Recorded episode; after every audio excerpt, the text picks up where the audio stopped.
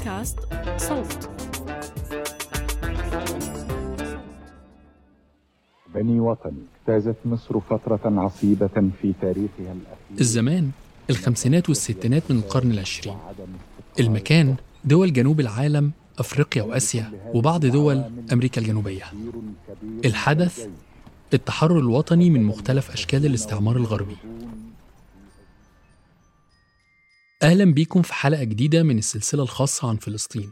حلقات بننشرها على بودكاست قصص من فلسطين. وأنا أحمد إيمان زكريا من فريق صوت. بنشارككم في السلسلة دي معلومات أساسية عن قطاع غزة.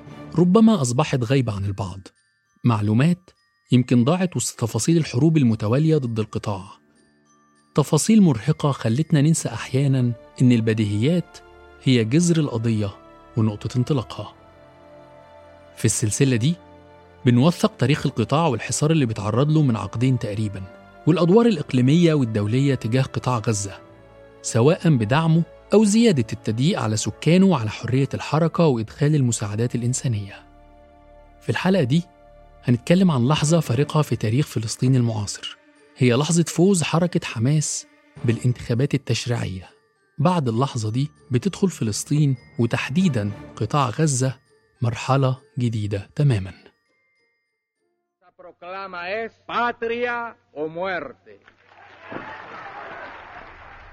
ده صوت المناضل الثوري المعروف تشي جيفارا في نهاية خطابه داخل مقر الأمم المتحدة سنة 1964 واللي دعا فيه لمواجهة التوغل الأمريكي والإمبريالية العالمية ضد حركات الاستقلال والتحرر الوطني في العالم.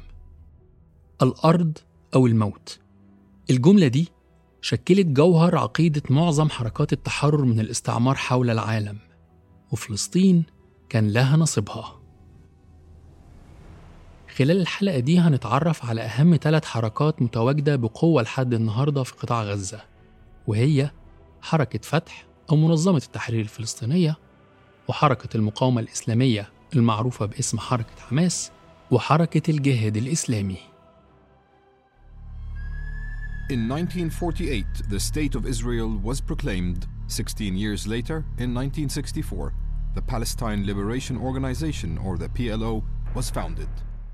من المرجح أنه النواة الأولى لتشكيل حركة التحرير الوطني الفلسطيني فتح كانت في الكويت في خريف سنة 1957 بحضور خمس أو ست فلسطينيين لاجئين من ضمنهم ياسر عرفات وخليل الوزير واللي صاغوا بيان الحركة وهيكل البناء الثوري واتفقوا على اسم الحركة.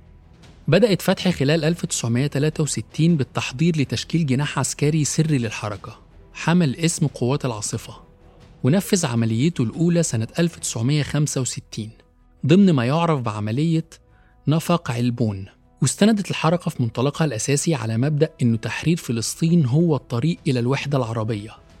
واعتبرت قيادة حركة فتح الكفاح المسلح وسيلة النضال الرئيسية لتحرير فلسطين.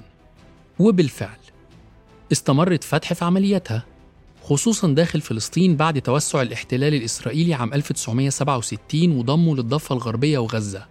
ومن أشهر العمليات دي المعركة اللي خاضتها الحركة بالاشتراك مع الجيش الأردني ضد جيش الاحتلال الإسرائيلي في مخيم الكرامة في الأردن سنة 1968 وانتهت بالنصر. بعدها زادت شعبية حركة فتح. خصوصا بين الشباب العربي وتم استقطابهم عشان يكونوا جزء منها. سيادة الرئيس الحرب الحرب تندلع من فلسطين والسلم السلم يبدأ من فلسطين وشكرا.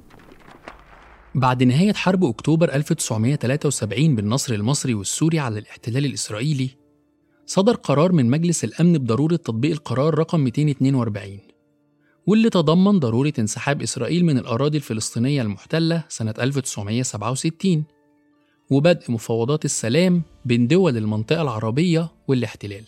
في المرحلة دي تم الاعتراف بمنظمة التحرير الفلسطينية أو فتح ممثلة للشعب الفلسطيني سنة 1973. بعد سنين وبسبب حالة الركود السياسي اللي نتجت عن مخالفة الاحتلال الإسرائيلي لقرار مجلس الأمن لأنه تأخر في العودة إلى حدود عام 67 وبسبب تردي أحوال الشعب الفلسطيني تحت الاحتلال انطلقت الانتفاضة الشعبية الأولى عام 1987 أو ما يعرف بانتفاضة الحجارة.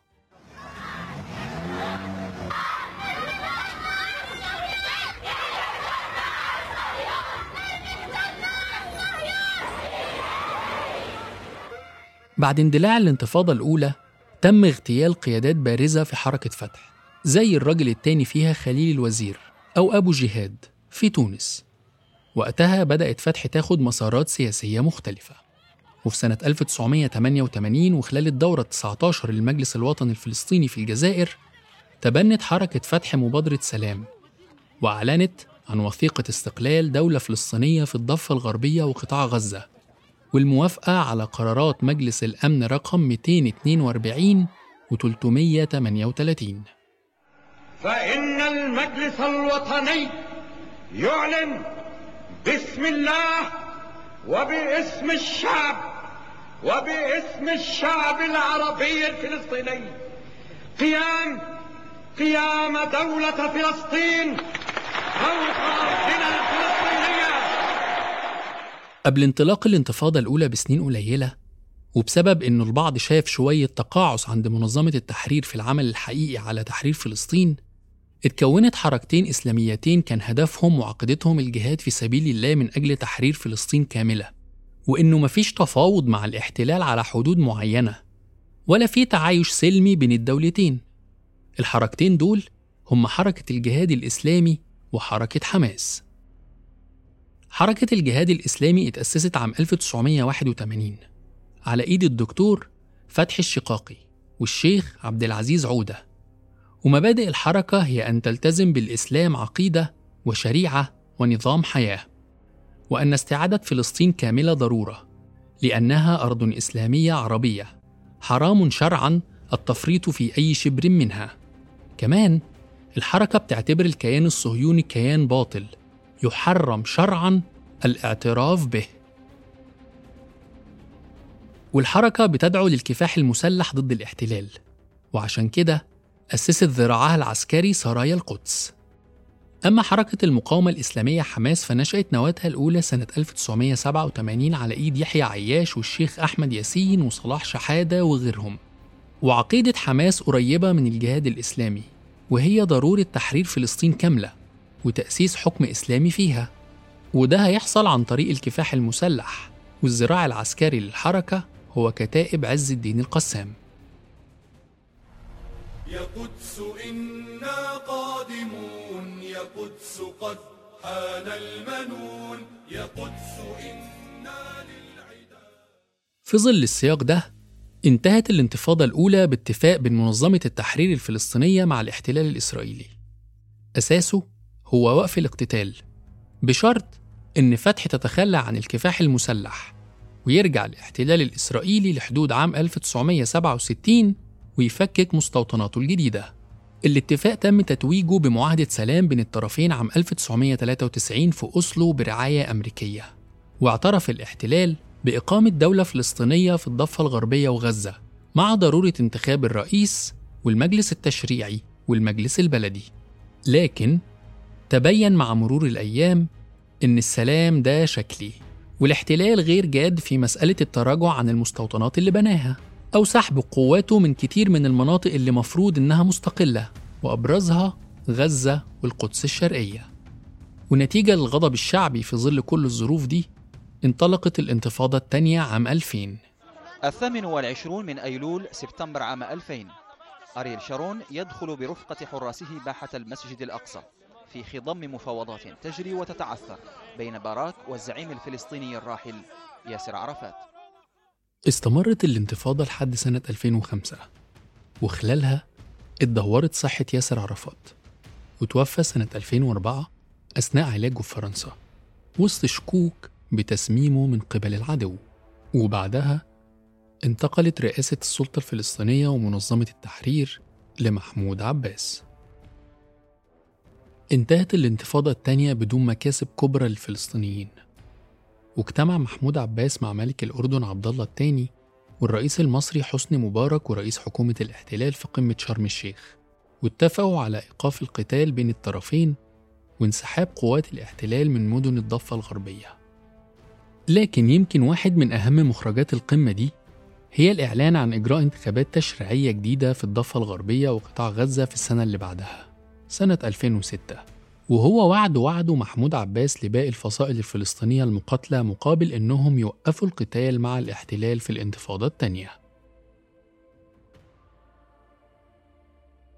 أول انتخابات رئاسية وتشريعية في دولة فلسطين حصلت سنة 1996 بدون ما تشارك فيها حركة حماس أو الجهاد الإسلامي لأنهم شافوا إن التركيز يكون على العمل العسكري وعدم الالتفات للسياسة. لأن المشاركة السياسية بالنسبة ليهم تعتبر موافقة على الوضع الحالي في البلاد والرضا باحتلال أجزاء من فلسطين وإقامة دولة عليها. وبعد الانتفاضة الثانية تمت الانتخابات الرئاسية الثانية سنة 2005 وفاز فيها محمود عباس. وقتها حركة الجهاد وحركة حماس قطعوا الانتخابات تاني. في الفترة دي غزة كانت جحيم لجنود الاحتلال والمستوطنين اللي جواها. العمليات العسكرية ما كانتش بتقف. ده غير المناوشات والمضايقات الشعبية شبه اليومية للمستوطنين. وقبل انتخابات المجلس التشريعي سنة 2006 انسحبت إسرائيل تماما من غزة من غير اتفاق مع أي طرف فلسطيني زي ما قلنا الحلقة اللي فاتت.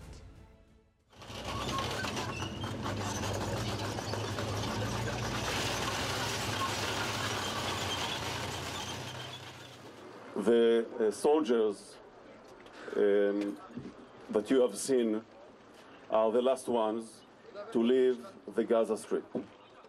القرار ده حصل بعد فشل الاحتلال إنه يتخلص من خطر حماس وذراعها العسكري وانسحب آخر جندي إسرائيلي من القطاع يوم 23 أغسطس عام 2005 بعد ترحيل المستوطنين وتدمير كامل لمطار غزة وسرقة العديد من الأراضي اللي كان المفروض تكون تابعة لقطاع غزة جه بعدها ميعاد الانتخابات وشاركت فيها معظم الفصائل الفلسطينية.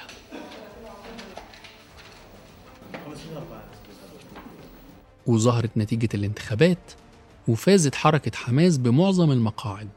74 مقعد من أصل 132 يعني كده حركة حماس تقدر تشكل الحكومة الفلسطينية. وفعلا شكل إسماعيل هنية الحكومة الجديدة في بدايات عام 2006 فوز حماس كان حدث مخيف بالنسبة للاحتلال الإسرائيلي ومعظم الدول الفاعلة في العالم.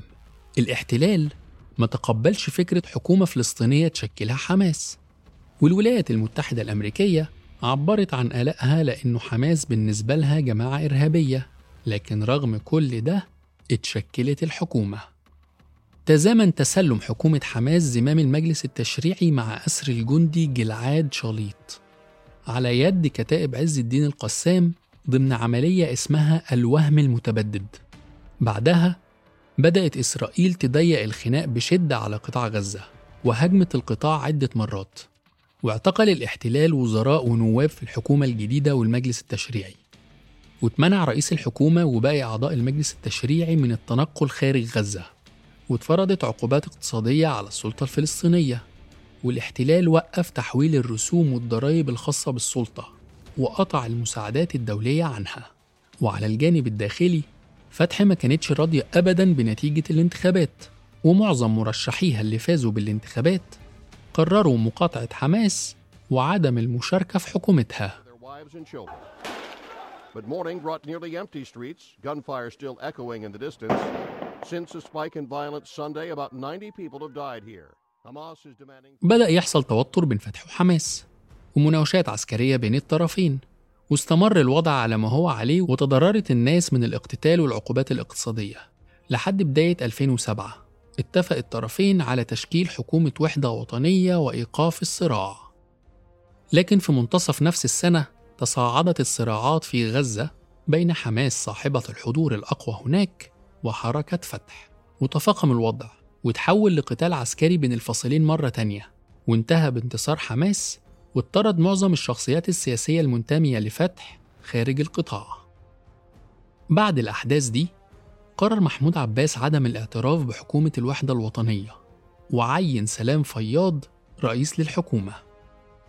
طبعا الاحتلال استغل الوضع ده ومن يومها لحد النهاردة العلاقات بين إسرائيل والسلطة الفلسطينية كويسة والحكومة الفلسطينية ملهاش سلطة فعلية على قطاع غزة والقطاع محاصر تماما من إسرائيل برا وبحرا وجوا. وبعد ما خرج الجناح السياسي الفتح من قطاع غزة فضل ذراعها العسكري كتائب شهداء الأقصى مع حركات الجهاد الإسلامي وحماس والأذرع العسكرية الثلاثة فعالة لحد النهاردة. في المقاومة ضد الاحتلال.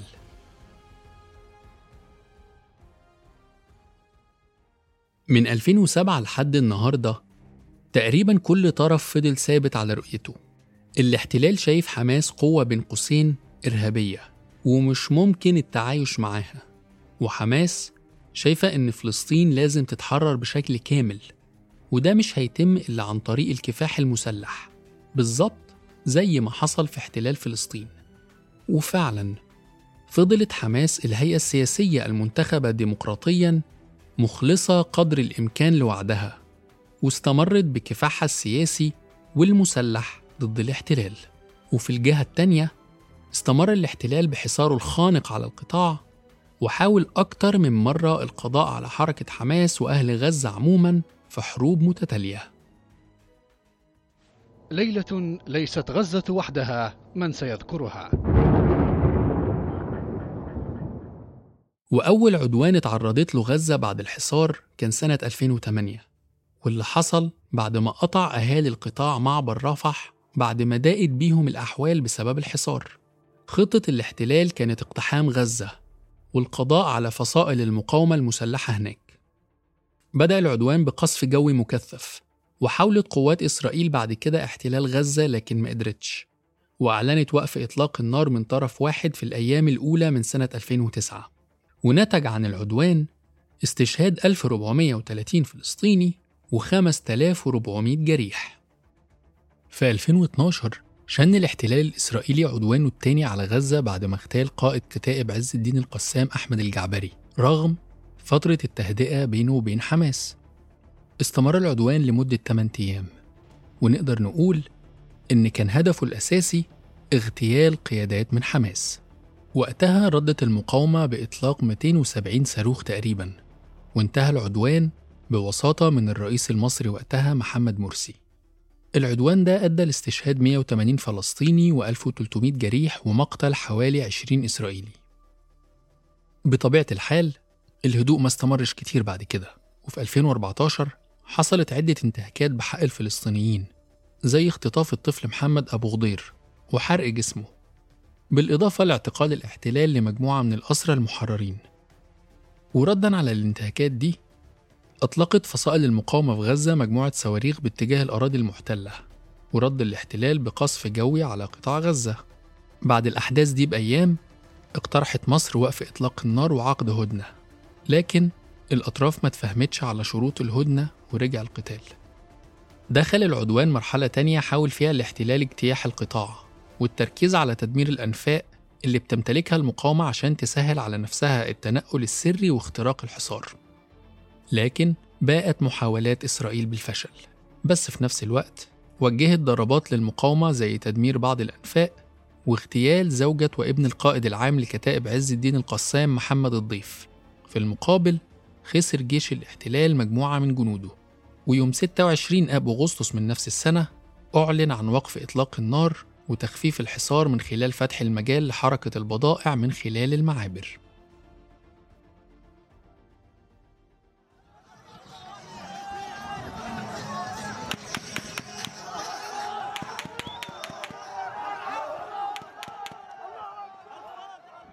سنة 2018 انطلقت جماهير غفيرة من المواطنين في غزة ناحية الحدود مع الاحتلال في مسيرات للعودة احتجاجا على الحصار ومطالبة بحق العودة. وفي 2019 اغتالت إسرائيل بهاء أبو العطا قائد المنطقة الشمالية لسرايا القدس الذراع العسكري لحركة الجهاد الإسلامي.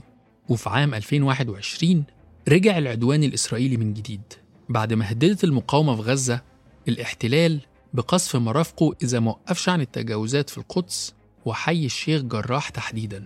وده كان ضمن مساعي المقاومة لتأسيس مفهوم وحدة الساحات والهم الفلسطيني. رد الاحتلال وقصف مجموعة مناطق في غزة مما أدى لاستشهاد 232 فلسطيني.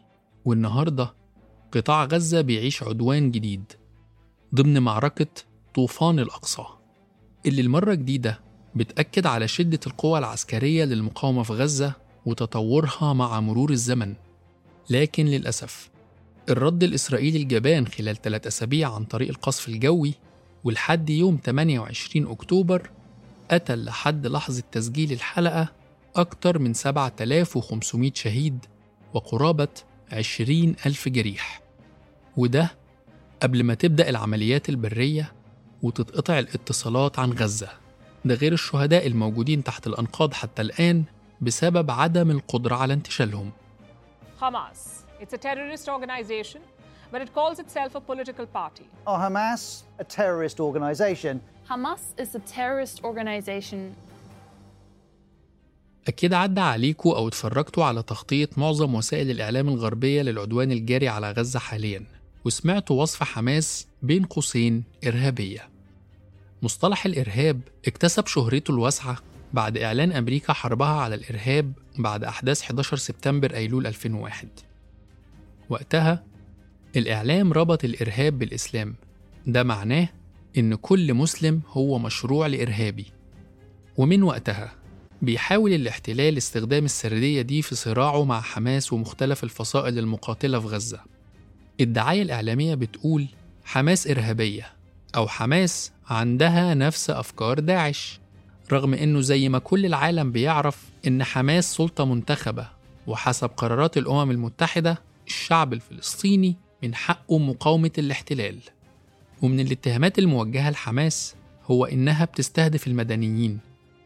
الموضوع ده بيستخدم لإدانة ومحاولة إلغاء حركة حماس ككل. من الناحية النظرية والواقعية ممكن نقول إن المجتمعات الاستيطانية هي بالضرورة مجتمعات ذات طابع عسكري لأنها قوة احتلال بشكل أو بآخر والسكان الأصليين بيرفضوا وجودها. الإسرائيليين نفسهم بيوصفوا نفسهم إنهم أمة مسلحة وعندهم مقولة رائجة بتقول كل الشعوب لها جيش أما نحن فجيش له شعب.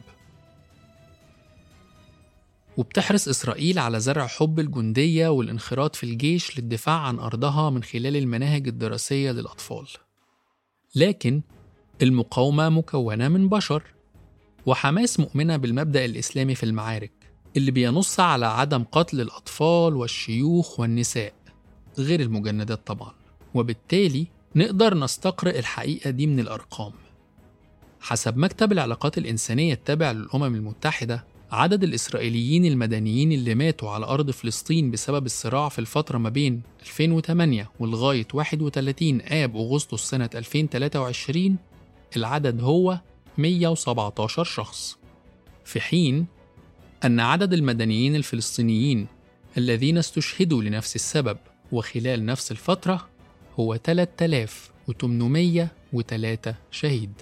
بالإضافة ل 1582 شهيد مش متأكدين إذا كانوا مدنيين ولا مقاتلين. والموضوع ده يخلينا نشوف الاحتلال على حقيقته ككيان إحلالي هدفه التخلص من الشعب صاحب الحق في الأرض بغض النظر مدني ولا عسكري. جاءوا في ليل. سبقتهم ثمانية أيام من حمم القصف الجوي تمهد لاجتياحهم قطاع غزة. غزة بتعيش كل أنواع الظلم من سنين طويلة. وفي قراءتنا لكل الظروف اللي عاشها الغزيين ممكن بسهولة نستشف إنه العملية اللي شنتها المقاومة يوم 7 أكتوبر ما كانتش إلا رد فعل طبيعي على كل الظلم ده ومش فعل إرهابي خارج عن السياق. ومهم كمان نفتكر إن شخصيات معروفة وبيتم تقديرها لحد النهاردة زي نيلسون مانديلا ومارتن لوثر كينج وحركات التحرر الوطني في الجزائر وأمريكا الجنوبية. كلهم كانوا بيعتبروا شخصيات أو حركات إرهابية في وقت من الأوقات حتى لو ما تمش استخدام المصطلح زي دلوقتي. ليه؟ لأنهم كانوا يقاومون من أجل حقهم في الأرض ضد غاصب محتل. وكلهم في النهاية انتزعوا حقوقهم أو على الأقل جزء منها. ومن حق المقاومة أن تفعل المثل. في الحلقة الجاية هنتكلم معاكم عن المعابر وتأثيرها على حياة الفلسطينيين جوه قطاع غزة. كنت معاكم من التقديم والإنتاج أحمد إيمان زكريا. من الكتابة عمر فارس. من التحرير جنى قزاز. من البحث لينا أبو الحلاوة ومرح خليفة. تدقيق المعلومات روان سممرة والهندسة الصوتية حسام علي. فريق النشر والترويج بيان حبيب وعمر خطاب. قصص من فلسطين بودكاست من إنتاج صوت.